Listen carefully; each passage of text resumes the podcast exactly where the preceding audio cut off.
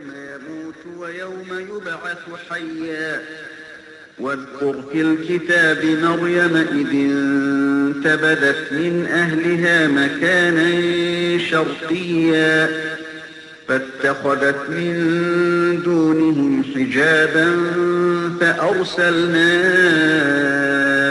إليها روحنا فتمثل لها بشرا سويا.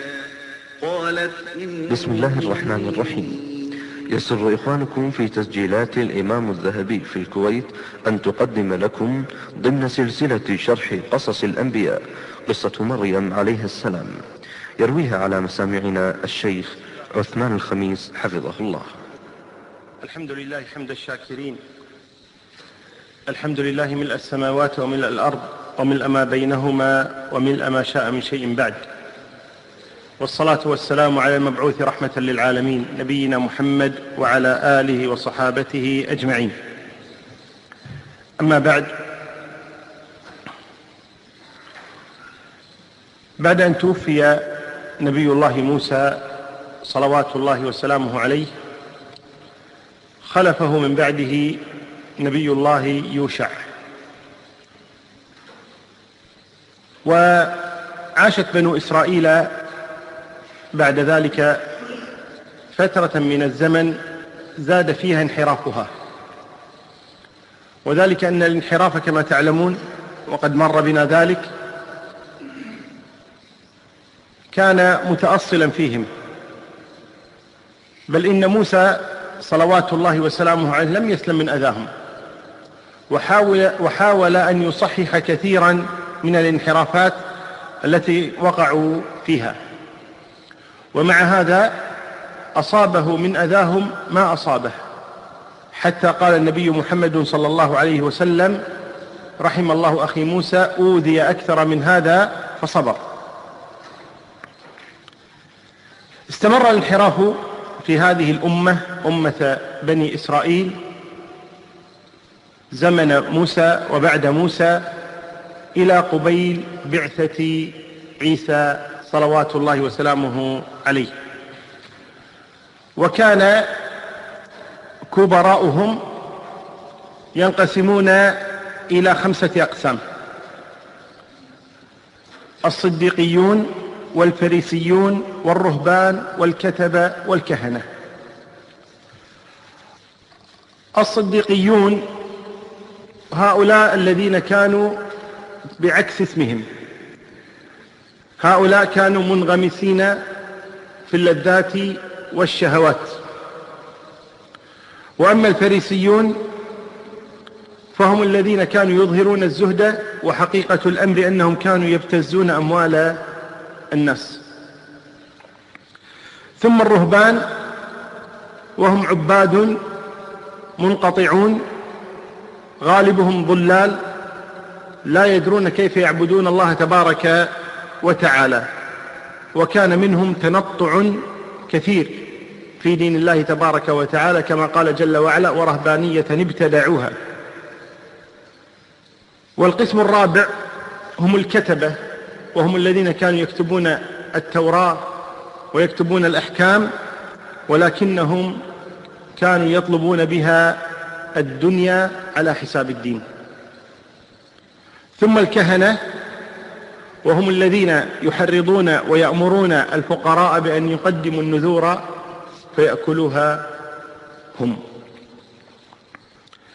وهذا كله جاء في كلام الله تبارك وتعالى في قوله جل وعلا يا أيها الذين آمنوا إن كثيرا من الأحبار والرهبان ليأكلون أموال الناس بالباطل ويصدون عن سبيل الله.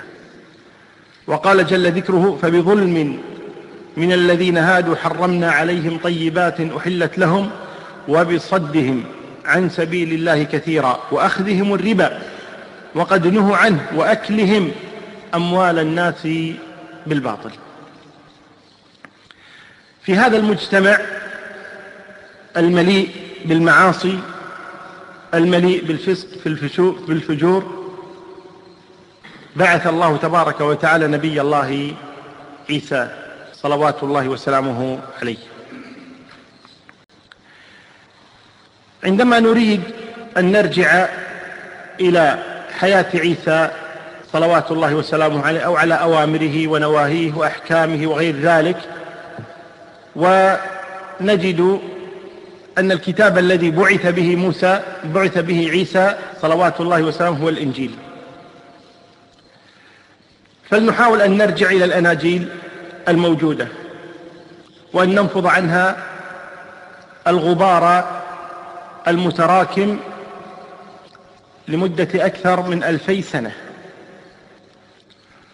فعندما ننفض هذا الغبار عن هذه الأناجيل وليست إنجيلا واحدا بل أناجيل تعدت السبعين إنجيلا أشهرها خمسة يؤمنون منها بأربعة. لوقا ومرقس ويوحنا ومتى ويكفرون بالخامس وهو برنابة عندما نرفض ننفض الغبار عن هذه الأناجيل سنتأذى كثيرا من ذلك الغبار الذي سيصيبنا. ثم بعد ذلك ننظر هل سنخرج بنتيجة بعد أن نجمع هذه الأناجيل وننفض عنها. الغبار ونحاول أن نقرأ هذا وهذا وذاك والرابع والخامس ثم نحاول أن نخرج بنتيجة من خلال هذه الأناجيل. من هو عيسى؟ ماذا يريد عيسى؟ بماذا أمر؟ وعن ماذا نهى؟ كيف كانت حياته؟ ننظر في الأناجيل. فنجد أولا أن المدة كانت طويلة جدا أكثر من ألفي سنة كما قلنا. ثم بعد ذلك نجد أن هذه الأناجيل جميعا لا توجد لها أسانيد يعتمد عليها. فأنت, فأنت عندما تريد أن تعتمد على كتاب ما لابد أن يكون هناك إسناد لهذا الكتاب. كيف وصل إلينا؟ لا توجد أسانيد. لهذه الأناجيل. بل فقدت الأسانيد بعد موت عيسى أو بعد رفع عيسى صلوات الله وسلم بخمسين سنة فقط. لا يجدون أسانيد لهذه الأناجيل. ثم كذلك لا توجد أي مخطوطات لهذه الأناجيل المدعاة بحيث ينظر فيها. كذلك نجد أنه ليس إنجيلا واحدا وإنما أناجيل. وهذه الأناجيل بينها اختلافات واضطرابات وتضادات بحيث لا يمكن الجمع بينها والخروج بنتيجة صحيحة. ثم كذلك الأناجيل الموجودة عندما نقرأ المواضيع التي تطرحها لا لا نرى أبدا أنها هي هي الإنجيل الذي جاء به عيسى. فلا أحكام ولا شيء وإنما هي قصة قصة عيسى. إذا كتبها غيره. وليس هو الذي أتى بذلك الكتاب من الله تبارك وتعالى الذي قال الله تبارك وآتيناه الإنجيل. وهذا الإنجيل الذي قال عيسى صلوات الله وسلامه عليه فيه ولأحل لكم بعض الذي حرم عليكم. لا نجد شيئا من ذلك في هذه الأناجيل. وفي النهاية نقول ما تسوى تعبها. يعني هذا التعب الذي سنجده في نفض الغبار وجمع الكلمة والنظر في الأناجيل ما يسوى ما يخرج منها بعد ذلك.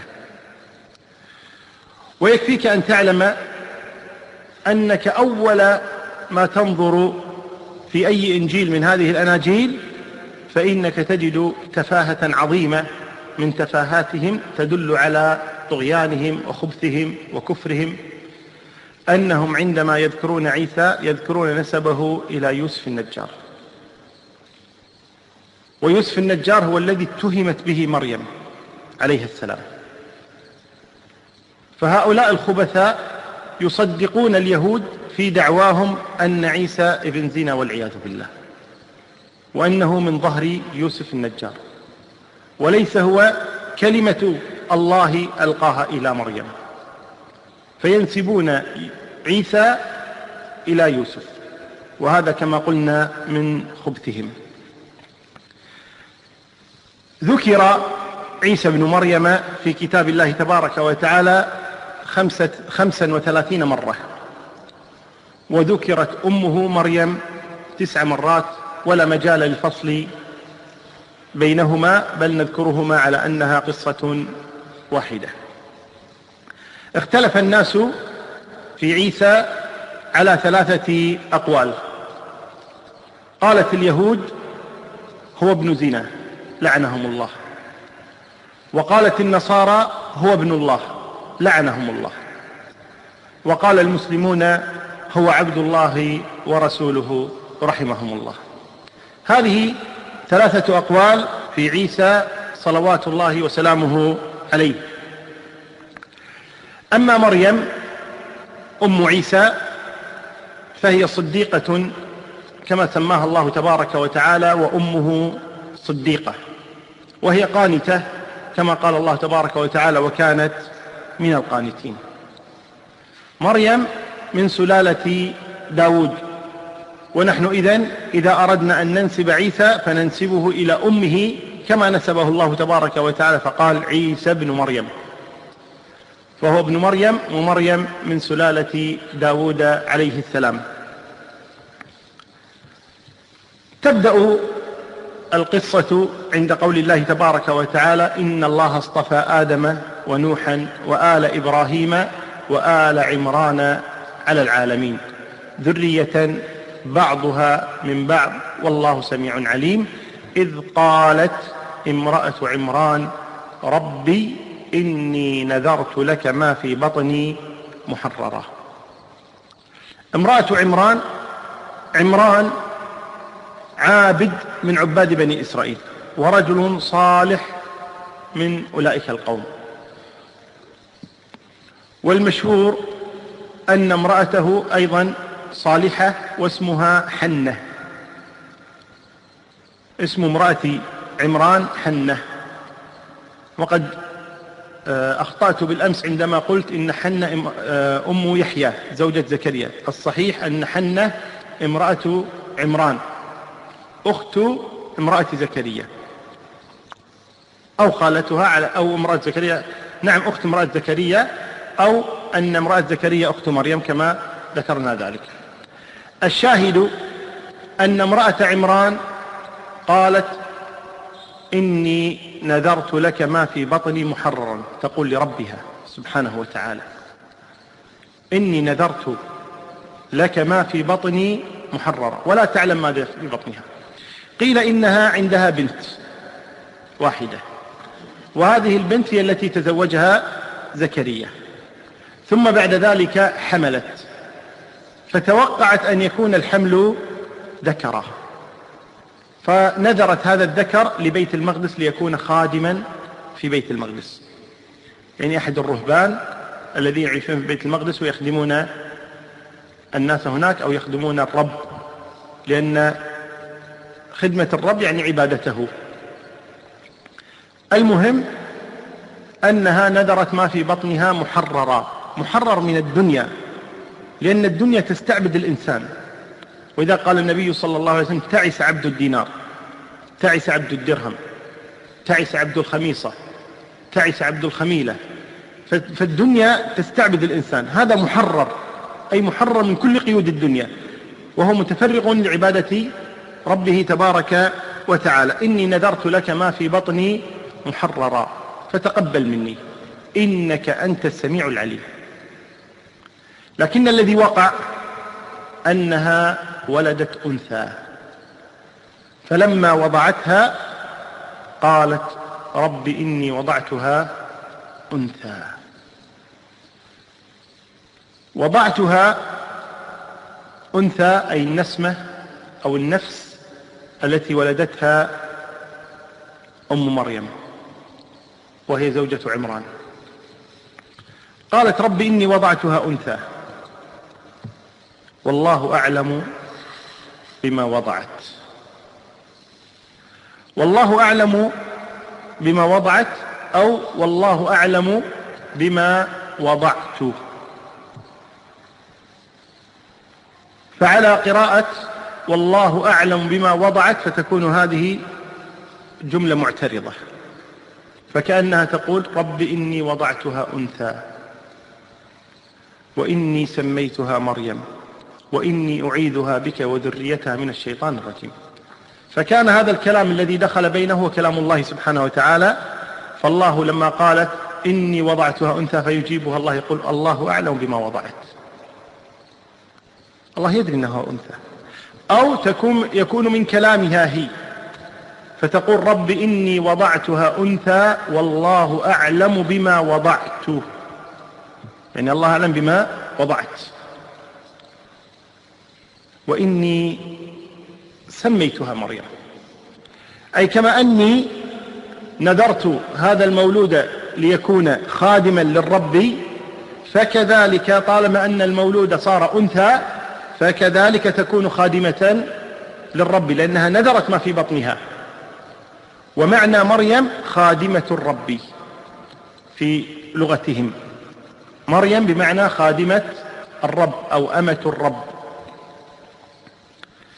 وإني سميتها مريم. ثم ماذا؟ قالت وإني أعيذها بك وذريتها من الشيطان الرجيم. إني سميتها مريم. متى سمتها؟ أول ما وضعتها. فهذا دليل على أن الإنسان يجوز له أن يسمي ولده أول ما يوضع. ولذلك النبي صلى الله عليه وسلم لما جاءه أنس بن مالك بأخيه عبد الله أول ما وضعته أمه جاء به ليحنكه النبي صلى الله عليه وسلم فسماه عبد الله في نفس الوقت. وجاء في الحديث عن النبي صلى الله عليه وسلم أن الصبي أو المولود يسمى يوم سابعه فالأمر فيه سعة. يجوز أن يسمى في أول يوم يولد ويجوز أن يسمى في سابعه. قالت وإني أعيذها بك وذريتها من الشيطان الرجيم. فتقبلها ربها بقبول أي استجاب الله دعاءها جل وعلا. يقول النبي صلى الله عليه وسلم ما من مولود إلا والشيطان يمسه حين يولد فيستهل صارخا. من مس الشيطان إياه إلا مريم وابنها. وهذا الحديث أخرجه البخاري ومسلم. فمريم إذن لما استعاذت أمها من الشيطان أن يمسها لم يمسها الشيطان. وكذلك استعاذت أن يمس ذريتها فلم يمس ذريتها وهو عيسى صلوات الله وسلامه عليه. يقول الله تبارك وتعالى فتقبلها ربها بقبول حسن وأنبتها أي رباها وأنبتها نباتا حسنا وكفلها زكريا. كفلها زكريا. زكريا خير بني إسرائيل في ذلك الوقت. نبي. فكفل الله مريم زكريا. وفي قراءة أخرى وكفلها زكريا. إذا إما أن يكون الله كفلها أو إما أن يكون زكريا هو الذي كفلها. على كل حال زكريا هو الذي اعتنى بها. وكفلها زكريا. كيف استطاع زكريا أن يأخذ مريم؟ المشهور أن عمران والد مريم مات وهي حمل في بطن أمها أو بعد أن ولدتها مباشرة. ولذلك نجد أن امرأة عمران نذرت ما في بطنها دون الرجوع إلى زوجها وسمتها كذلك دون الرجوع إلى زوجها مع أن زوجها كان مصطفى كما قال الله إن, الله اصطفى آدم ونوحا وآل إبراهيم وآل عمران. وهو رجل صالح بل كان من عباد بني إسرائيل. فكيف زوجته لا ترجع إليه في النذر ولا ترجع إليه في التسمية؟ قالوا ذلك أنه كان قد توفي ومريم حمل في بطن أمها أو أنها أنه مات بعد الولادة مباشرة يعني قريب من وقت الولادة. والظاهر أنه مات وهي حمل في بطن أمها.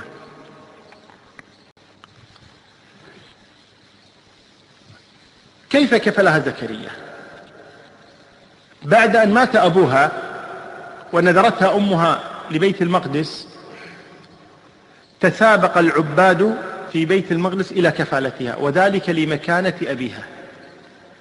أبوها كانت له مكانة عظيمة عندهم وكان من عبادهم وعلمائهم. فلذلك تسابق الناس لخدمته. كما قال الله تبارك وتعالى وأما الجدار فكان لغلامين يتيمين في المدينة وكان تحته كنز لهما وكان أبوهما صالحا. فالله يحفظ النسل بصلاح الآباء والأمهات. فلصلاح الأب تسابق الناس إلى كفالة ابنته مريم. فكان زكريا ممن طلبها مع الناس فنازعوه إياها. فقالوا لا حتى تكون هناك قرعة. فعملوا قرعة كما قال الله تبارك وتعالى لنبيه محمدا محمد صلى الله عليه وسلم وما كنت لديهم إذ يلقون أقلامهم وما كنت لديهم إذ يختصمون. وما كنت لديهم إذ يلقون أقلامهم أيهم يكفل مريم وما كنت لديهم إذ يختصمون. إذا صار هناك إلقاء أقلام قرعة. كيف كانت القرعة؟ قالوا كانت القرعة بأن وضع كل واحد منهم قلمه. ونادوا صبيا لم يبلغ الحلم. قالوا اختر قلما من هذه الأقلام والذي يخرج القلم الذي يحمل اسمه هو الذي يكفلها. فجاء الصبي ونزع القلم فإذا قلم زكريا. فنازعوه قالوا له قرعة ثانية. قال على ما تحبون. ماذا تريدون؟ قالوا نرمي أقلامنا في الماء. ثم ماذا؟ قال القلم الذي يمشي بعكس التيار هو الذي يأخذ مريم لأن هذا اختيار الله. هو الذي يأخذ مريم. قال ما في مانع فألقوا أقلامهم فكلها جرت مع التيار إلا قلم زكريا. جرى بعكس التيار. فقال أعطوني مريم. قالوا قرعة ثالثة. قال كما تشاءون. قالوا نرمي أقلامنا فالقلم الذي يمشي مع التيار هو الذي يأخذها. ما في مشكلة. فرموا أقلامهم فرمى فمشى قلم زكريا ما سوى مشت أقلامهم كلها بعكس التيار. ليقضي الله أمرا كان مفعولا. فكفلها الله تبارك وتعالى زكريا. مريم امرأة صالحة. تقية عابدة قانتة صديقة. قال النبي محمد صلى الله عليه وسلم كمل من الرجال كثير ولم يكمل من النساء إلا آسية. امرأة فرعون. سبحان من جمعها مع فرعون. سبحان من جمع بينهما. يقول كمل من الرجال كثير ولم يكمل من النساء إلا آسية. امرأة فرعون ومريم بنت عمران. وإن فضل عائشة على النساء كفضل الثريد على سائر الطعام. إذن هي من كمل النساء. مريم من كمل النساء. وهذا الحديث أخرجه البخاري ومسلم في صحيحيهما. ما ميزة مريم وما ميزة آسيا كلاهما كفلت نبيا بل رسولا. بل من من أولي العزم من الرسل فآسيا كفلت موسى ومريم كفلت عيسى واعتنتا بهما ولذلك كانت لهما هذه المنزلة العظيمة طبعا مع الإيمان الذي في قلب آسيا والإيمان الذي في قلب مريم. وقد ذكر الله تبارك قد ذكر النبي صلى الله عليه وسلم أن غيرهما كذلك من كمل النساء. كما ذكر النبي صلى الله عليه وسلم ذلك لخديجة وذكر ذلك لفاطمة وذكر ذلك لعائشة.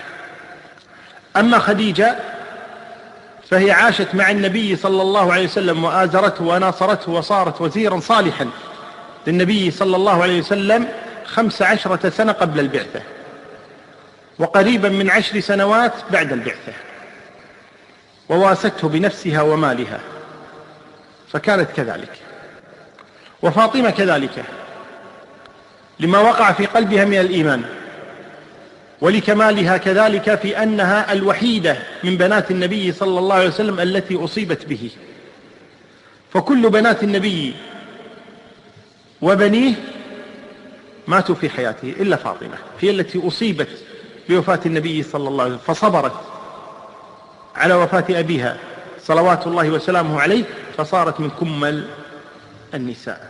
وذلك أن أعظم مصيبة أصيبت بها البشرية هي موت النبي صلى الله عليه وآله وسلم. ولذلك قال صلوات الله وسلامه إذا أصيب أحدكم بمصيبة فليتذكر مصيبته في فإنها أعظم المصائب. وأما عائشة فلا تعرف البشرية امرأة من لدن آدم إلى يومنا هذا إلى أن تقوم الساعة. لم ولن تعرف امرأة أعلم من هذه المرأة من عائشة رضي الله عنها. وكانت أحب الناس إلى رسول الله صلى الله عليه وسلم حيث سئل من أحب الناس إليك؟ قال عائشة. وقال في هذا الحديث وفضل عائشة على النساء مطلقا لم يستثن امرأة. وفضل عائشة على النساء كفضل الثريد على سائر الطعام. وقيل فاطمة أفضل لأن النبي صلى الله عليه وسلم قال عن فاطمة إنها سيدة نساء أهل الجنة ولم يستثن امرأة. وقال بعضهم سيدة نساء أهل الجنة من غير الأنبياء ولكن المقصود بأهل الجنة غير الأنبياء. وخديجة كذلك. على كل حال هؤلاء النسبة الخمس أعني مريم وآسية وخديجة وفاطمة وعائشة هن خير النساء على الإطلاق. رضي الله تبارك وتعالى عنهن أجمعين. واختلف أهل العلم في مريم هل هي امرأة عادية كسائر النساء أو أنها امرأة نبية؟ بعض أهل العلم قال, قال مريم نبية. قال إن مريم من الأنبياء. لماذا؟ قال إنها نبية. قال لأن الوحي جاءها على صور. فمرة يكلمها الله ومرة يكلمها جبريل ومرة تأتيها البشارة مرة يتمثل إليها ومرة وحي بدون تمثل. هذا كله يدل على أن المرأة هذه ليست امرأة عادية وإن امرأة يوحى إليها. فقالوا هي امرأة نبية. ثم قالوا إن الله وصفها بأنها صديقة ووصفها بأنها قانتة. فهذا يدل على أنها نبية. ثم قالوا كذلك لاحظوا قضية مهمة. ما هي؟ قالوا لم يسم الله امرأة باسمها غيرها. في كل القرآن. من نظر في القرآن الكريم لا يجد امرأة ذكر اسمها غير مريم. امرأة فرعون امرأة العزيز آه، امرأة لوط امرأة نوح نساء النبي بناتك خالاتك عماتك. ما ذكرت امرأة باسمها إلا مريم وذكرت باسمها تسع مرات. فقالوا هذا يدل كذلك على أنها نبية وإلا لماذا يذكرها الله باسمها دون غيرها؟ وذهب أكثر أهل العلم إلى أن مريم صديقة.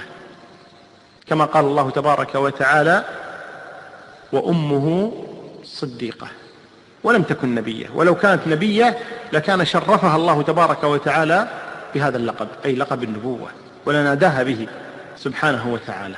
ولكن لقبها بصديقة ولقبها بقانته فهي ليست نبية.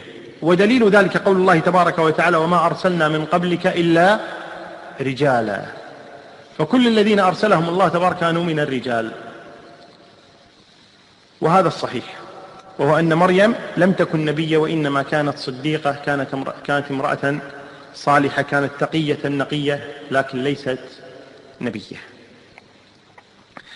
قال الله تبارك وتعالى عنها وإذ قالت الملائكة يا مريم إن الله اصطفاك وطهرك واصطفاك على نساء العالمين إن الله اصطفاك وطهرك واصطفاك.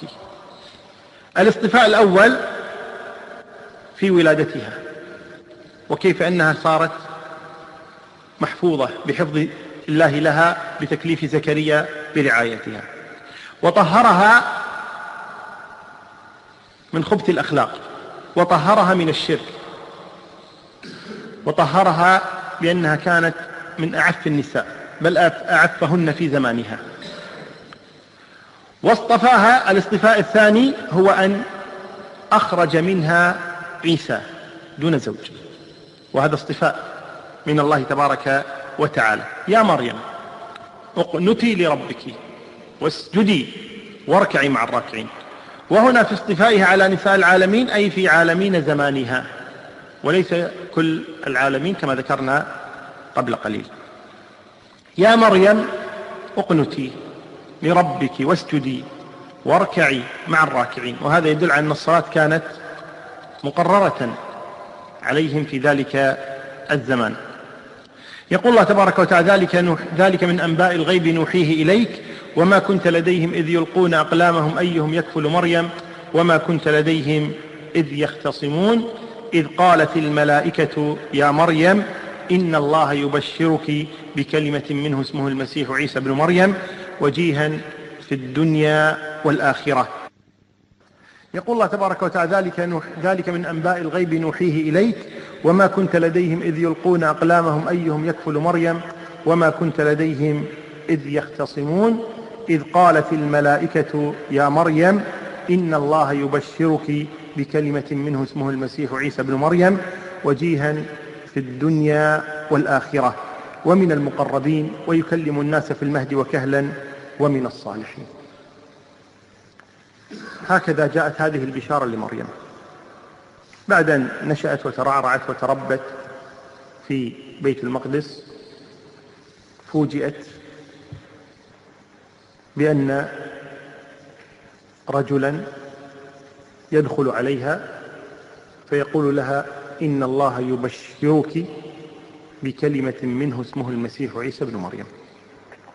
هنا نجد أن الله تبارك ذكر الملائكة. قال إذ قالت الملائكة يا مريم إن الله يبشرك.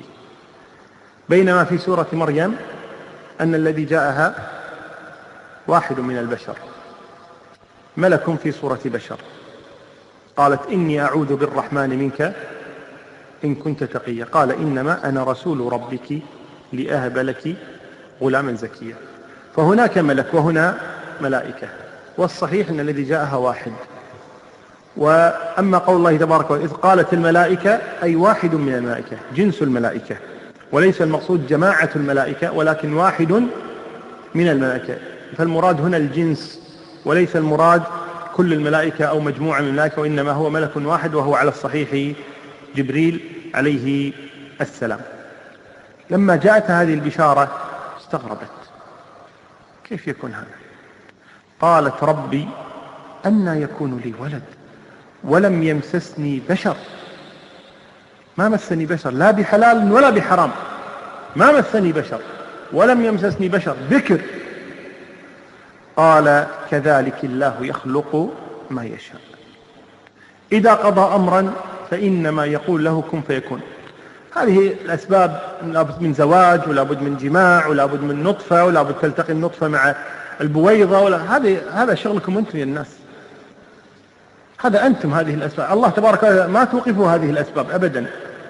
لأن أمره إذا أراد شيئا يقول له كن فيكون ينتهي كل شيء بالنسبة لله تبارك وتعالى.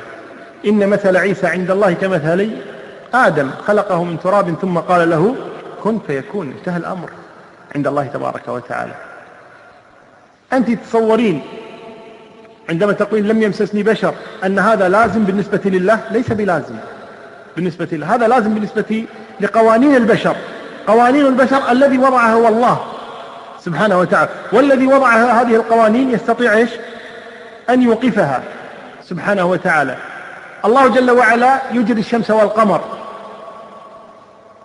والشمس تشرق كل يوم من مشرقها. يأتي اليوم الذي لا يأذن الله لها. أن تشرق فتخرج من مغربها.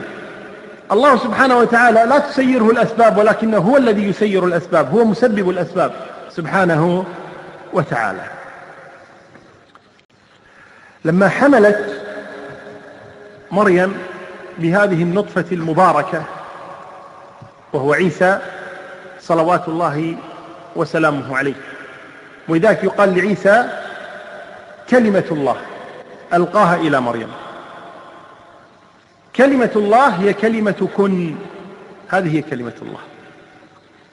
كلمة الله التي ألقاها إلى مريم هي كن. فكان كما قال الله سبحانه وتعالى. أول ما ولد عيسى صلوات الله وسلامه عليه علم بذلك المنجمون. وذلك أنهم كانوا ينتظرون قدوم نبي. أخبر به الأنبياء السابقون. وهذا النبي يكون ملك اليهود وأنه يكون خراب ملك ملكهم على يديه. فجاءوا وأخبروا الملك ويذكرون الملك ذاك الوقت اسمه هيرودس. فأخبروه أنه ولد ملك اليهود. الذي على يديه تنتهي مملكتك. فأمر بقتل كل صبي يولد. كما وقع الأمر بالنسبة لموسى صلوات الله وسلامه عليه. ففرت مريم. خافت على ما في بطنها. ففرت. أو فرت بعد ولادته وهو الصحيح. المهم أن مريم خافت على ولدها عيسى صلوات الله وسلامه عليه. فرت إلى أين؟ يقول الله تبارك وتعالى وجعلنا ابن مريم وأمه آية. وآويناهما إلى ربوة ذات قرار ومعين. أين هذه الربوة؟ قالوا هذه بعد خوفها من هيرودس أن يقتل عيسى صلوات الله وسلامه عليه. ففرت به. إلى أين؟ قالوا على المشهور فرت به وله من العمر سنتان. قالوا هذه الربوة ذات القرار المعين هي مصر. فرت به إلى مصر وجلست هناك سنوات حتى مات هيرودس ثم رجعت به مرة ثانية إلى بيت المقدس. هذا قول. والقول الثاني أنها فرت به إلى الشام إلى الغوطة في دمشق وهو المكان الذي ذات قرار ربوة ذات قرار ومعين. والقول الثالث أنها لم تفر به وأن الرب وذات القرار والمعين هي التي قال الله تبارك وتعالى عنها فناداها من تحتها ألا تحزني قد جعل ربك تحتك سريا. فهذه هي العين هذه المعين وهي العين التي كانت تحتها وهو النهر الصغير الذي أجراه الله سبحانه وتعالى والعلم عند الله جل وعلا.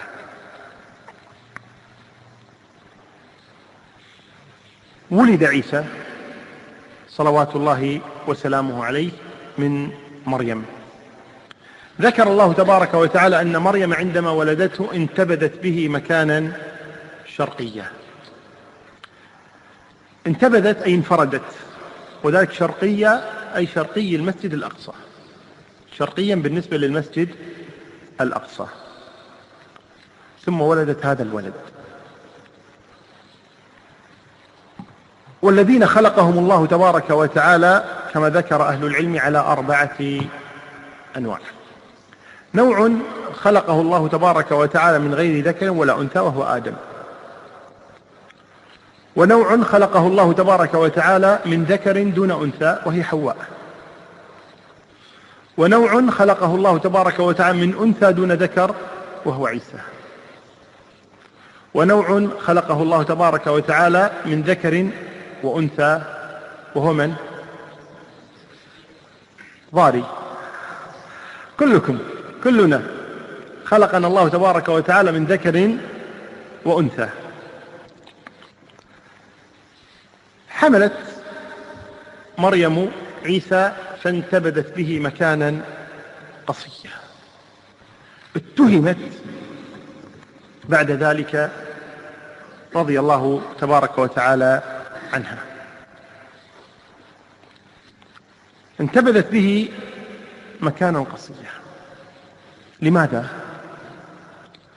خافت من ماذا؟ من كلام الناس. وذلك أنه سيتهمونها. كيف تأتين بولد من أين لك هذا الولد؟ لا نعلم أنك تزوجت مع من زنيت من أبو هذا الولد؟ وهكذا. فخشيت من هذا الكلام كله. تصوروا هذا الأمر ثقيل عليها. تتهم امرأة في عرضها وأي امرأة؟ صديقة. قانتة. تربت في مكان عفيف في مكان شريف في مكان مقدس ثم تتهم في عرضها. أمر عظيم وشديد عليها. ولذلك انتبذت به مكانا قصيا أي بعيدا ابتعدت عنه. يذكر أن أقرب الناس إليها. قيل زكريا وقيل أختها زوجة زكريا. وقيل ابن خالتها. أحد هؤلاء جاءها بعد أن ولدت بعيسى فقال لها يا مريم هل يكون زرع من غير بذر؟ في زرع من غير بذر؟ قالت نعم فمن خلق الزرع الأول؟ الزرع الأول بدون بذر.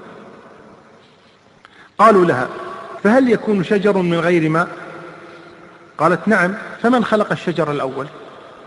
في شجر بدون ماء وهو أول شجرة خلقها الله تبارك وتعالى. فقالوا لها فهل يكون ولد من غير ذكر؟ قالت نعم إن الله خلق آدم من غير ذكر ولا أنثى. فأسكتتهم. لكن هؤلاء من؟ هؤلاء الذين يحبونها. أقنعتهم. أن الله على كل شيء قدير وأن هذا أمر الله سبحانه وتعالى. فاعتزلت قومها وذلك أن هؤلاء أقرب الناس إليها. وقع في قلبهم شيء من هذا الحمل.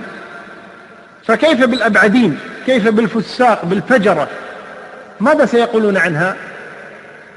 عليها السلام. ولذلك انتبذت مكان قصية ذهبت على المشهور إلى بيت لحم.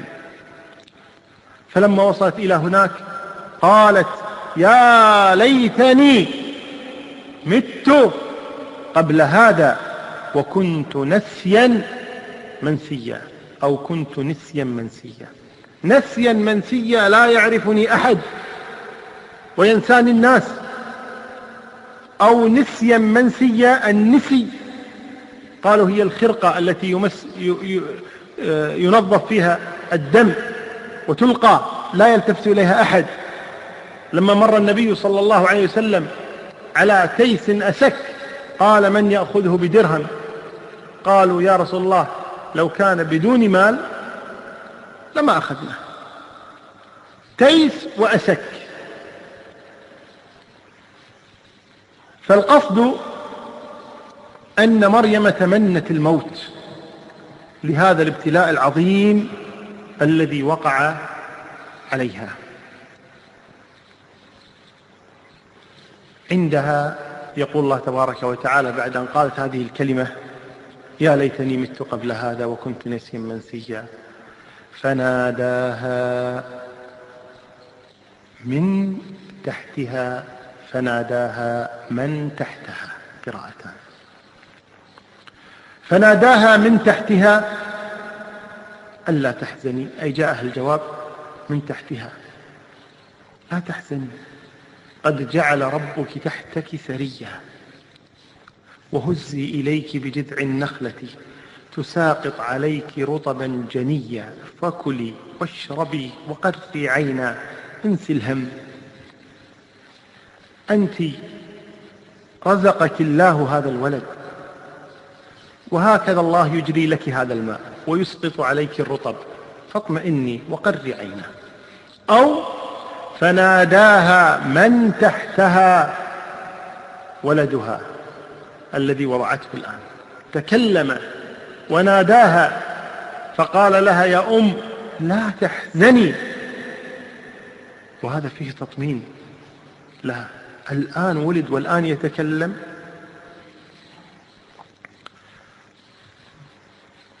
اطمأنت مريم.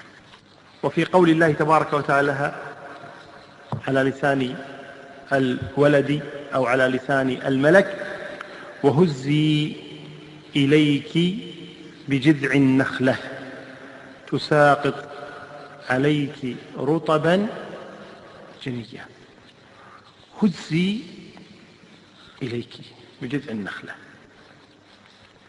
حتى يتبين أنه كل شيء له سبب. ولذلك ماذا قال الله لموسى؟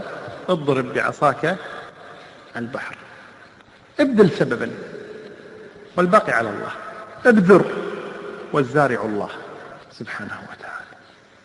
وذاك قيل ألم تر أن الله أوحى لمريم وهزي إليك الجذعة يساقط الرطبة ولو شاء أحنى الجذعة من غير هزه إليها ولكن كل شيء له سبب. يعني أراد الله تبارك أن يكون هناك إيش؟ سبب. ابذلي سببا ابذلي سببا ولو يسيرا. والله يسقط عليك الرطب. ثم قال لها فإما ترين من البشر أحد. أنت خايفة من البشر؟ لماذا أخذت مكانا قصية خايفة من البشر. طيب إما ترين من البشر أحدا فقولي إني نذرت للرحمن صوما. قولي نذرت للرحمن صوما. كيف تقول لهم نذرت للرحمن صوما؟ صائمة صنع الكلام. بلسان الحال. كما قال زكى فأوحى إليهم أن سبحوا بكرة وعشية. وكذلك هنا. ليس بلسان القال وإنما بلسان الحال. أشيري إلى الغلام فقط. إني نذرت للرحمن صوما لن أتكلم. فلن أكلم اليوم إنسيا أيا كان. رجعت به إلى قومها, إلى قومها الآن وعندها شيء من الشجاعة أنها تستطيع أن تواجه الآن. أتاها اطمئنان من الله تبارك وتعالى. جاءت إلى قومها. مريم. معها ولد يا مريم لقد جئت شيئا فريا فري؟ الشيء العظيم. أعظم الفري يعني أعظم الكذب. الشيء العظيم الذي لا يحتمل. لقد جئت شيئا فريا يا أخت هارون ما كان أبوك امرأ سوء؟ وما كانت أمك بغية؟ هذه المواجهة الآن. هناك قلنا مواجهة الأقارب مواجهة المحبين. هل يكون ثمر من غير زرع؟ زرع من غير بذر؟ هل يكون شجر من غير ماء؟ يعني ملاطفة له هنا لا هؤلاء الفساق الفجر الآن. ماذا قالوا لها؟ أول شيء لقد جئت شيئا فريا يا أخت هارون ما كان أبوك امرأة سوء وما كانت أمك بغية يعني كأنه يقول لها أنت إيش؟ كذلك والعياذ بالله. يا أخت هارون من هارون؟ هذا. هارون قالوا أخوها عندها أخ اسمه هارون أخوها من أمها وأبيها اسمه هارون. فقالوا لها يا أخت هارون أخوك رجل صالح. طيب من أين أتى هارون هذا؟ الأخ. إما أن يكون ولد قبل مريم وهي نذرت مريم. وإما أن يكون ولد بعد مريم لكن هذا يعكر عليه أننا قلنا الأظهر أن عمران مات وهي حامل زوجته. إذن احتمال أن هارون أخ لها أكبر منها سنا. طيب هذا الاحتمال الأول. من هارون؟ قالوا احتمال هارون هذا أخو موسى وهي مريم أخت موسى وهارون. بدليل ماذا؟ بدليل أن موسى ابن عمران وهارون بن عمران وهي مريم بنت مريم بنت عمران وأخت هارون وموسى وقالت لأخته قصيه اسمها مريم. هذه هي مريم اللي كانت تقص إيش؟ أثر موسى عليه الصلاة والسلام. فيكون إذا موسى وهارون شو يصيرون حق عيسى؟ أخواله. يكون أخوالا لعيسى صلوات الله وسلامه. وهذا بعيد. وهذا بعيد. وليس بصحيح. ليس بصحيح. لماذا؟ لأن على المشهور أن بين موسى نبي الله وبين عيسى نبي الله 13 قرن بينهم من الوقت والزمن. مدة طويلة. بينهم فيها أنبياء كثر. بين موسى وعيسى. فليس هارون هنا أخو موسى صلوات الله وسلامه عليهم أجمعين. من هارون إذن قالوا هارون عابد من عباد بني إسرائيل يعرفونه فكانوا لأنها كانت عابدة وتقية ومنذورة لبيت المقدس فيشبهونها بهذا الرجل الصالح. قال أنت شبيهة هارون أنت أخت هارون تشفين هارون في العبادة وهذا لماذا تأتين هذه الفاحشة؟ واحتمال أن هارون رجل فاجر عندهم فشبهوها به كان يقول لها يا فاجرة يا أخت الفاجر هارون. هكذا يشبهونها بالفاجر هارون. وقد جاء في الحديث الصحيح أن المغيرة بن شعبة جاء إلى النبي صلى الله عليه وسلم من نجران. فقال له النبي أو قالوا له أهل نجران. قول المغيرة كيف عندكم في القرآن يقول لمريم يا أخت هارون وهارون مات قبل عيسى بقرون؟ هذا معناته القرآن مو مضبوط بالتواريخ قبله بقرون كيف يقول هذا؟ فسكت المغيرة بن شعبة. قال حتى أرجع إلى رسول الله صلى الله عليه وسلم. فرجع المغيرة بن شعبة إلى النبي صلى الله عليه وسلم. فقال له ذلك. فقال له النبي صلى الله عليه وسلم ألا أخبرتهم أنهم كانوا يسمون بالأنبياء والصالحين قبلهم؟ يعني هذا هذا مجرد تسمية وليس هو هارون النبي صلوات الله وسلامه عليه وهذا أخرجه الإمام مسلم في صحيحه. اتهموا مريم الآن. بالزنا والعياذ بالله. طيب بمن؟ من الذي اتهموا؟ قالوا زكريا. ولذا قتلوا زكريا لهذا السبب؟ على القول بأن زكريا قتل. أنهم جاءوا قالوا تفعل أنت كافل مريم وتفعل فيها الفاحشة وتأتي منها بولد؟ فقتلوه لهذا السبب. وقيل اتهموها بابن خالتها وهو يوسف النجار والذي صدق النصارى ذلك قبحهم الله فكانوا يكتبون نسب عيسى عيسى ابن يوسف النجار والعياذ بالله.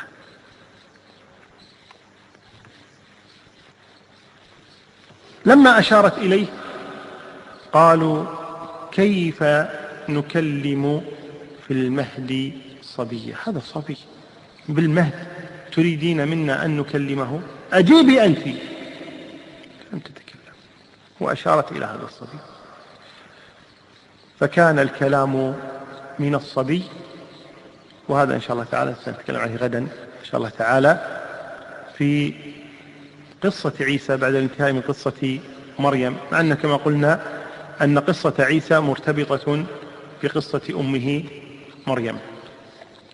وهنا فائدة نختم بها وهي أنه كان ملك من ملوك النصارى أرسل إلى أحد ملوك المسلمين. فطلب منه أن يرسل له أحد علماء المسلمين ليناظره فأرسل أبا بكر الباقلاني. فجاء الباقلاني إلى ملك النصارى فقالوا له إذا أردت أن تدخل على الملك لا بد أن تلتزم شروطنا. قال ماشي. وما شروطكم؟ قال أن تسجد للملك. نحن كلنا نسجد للملك, للملك إذا دخلنا عليه. فأنت إذا, إذا لم تسجد للملك فهذه إهانة في حق الملك. فلا بد أن تسجد أو ما تدخل على الملك. قال إذا ما أدخل على الملك. أنا ما أسجد إلا لله. وأنتم طلبتمونه فلن أدخل على الملك ولن أسجد له. فقال فلما وجدوه مصرا على رأيه قالوا انتظر. فدخلوا على الملك وسألوه. قال له الرجل يرفض أن يسجد لك. فهل ندخله أو لا؟ قال أدخله ولو رفض. ما في مانع. لكنهم احتالوا عليه. كيف؟ جاءوا إلى الباب ووضعوا في وسط الباب خشبة. حتى لا يدخل مستقيما وإنما يدخل راكعا إلى الملك. يعني ما تسجد تركع على الأقل. ما تركع طيب تركع غصب. إن شيمة إن جيمة. طيب؟ فوضعوا خشبة حتى يدخل راكعا إلى الملك. فجاء الباقلاني فأول ما دخل وإذا الخشب موضوع فانتبه. وفهم أنهم يقصدون أن يدخل راكعا. لأن لا يعقل أن يكون هذا هو الباب الذي يدخل منه دائما. فلما رأى ذلك أعطاهم ظهره ودخل بظهره. فايش عطى الملك أعطاهم قفاه أي نعم. فدخل هكذا على الملك. وهذا من حسن الفهم والانتباه. أحيانا يفعل أشياء ما ينتبه لها. لكن هذا هو المؤمن كيس فطن. ها؟ نعم. أحد قال كيس قطن؟ نعم. اي نعم يقول واحد قرأها قال المؤمن كيس قطن. هين لين حبيب طيب يعني بدأ يشرحها. طيب المهم أنه دخل بظهره. فانتبهوا عرفوا أن الرجل فطن لهذا الأمر. فلما دخل واجهوه مباشرة قالوا له تعال. نعم. قالوا ما هذا الذي يقال عن امرأة نبيكم؟ من هؤلاء الرهبان والقساوسة والأحبار؟ علماؤهم. قالوا يقال أن امرأة نبيكم وقعت منها الفاحشة. ما هذا الذي يقال في امرأة نبيكم حدث الإفك العائشة رضي الله عنها. قالوا ما هذا الذي يقال في امرأة نبيكم؟ قال نعم هما امرأتان اتهمتا بالزنا عائشة ومريم. أما عائشة فكانت ذات زوج ولم تأتي بولد وأما مريم فلم يكن لها زوج وأتت بولد. فسكتوا يعني يقول إذا كنتم تصدقون هذا في عائشة إذا تصدقوا النصارى في مريم على الأقل عائشة متزوجة ولم تأتي بولد حتى لو جاءت بولد على الأقل من زوجها. لكن مريم جاءت بولد وهي ما هي متزوجة. من الأولى بالاتهام؟ عائشة أو مريم؟ فسكتوا ولم يتكلموا بكلمة. والله أعلى وأعلم وصلى الله وسلم وبارك على نبينا محمد. مع تحيات إخوانكم في تسجيلات الإمام الذهبي حولي شارع الحسن البصري هاتف رقم 2615 046 ذهبي حولي شارع الحسن البصري هاتف رقم 2615 046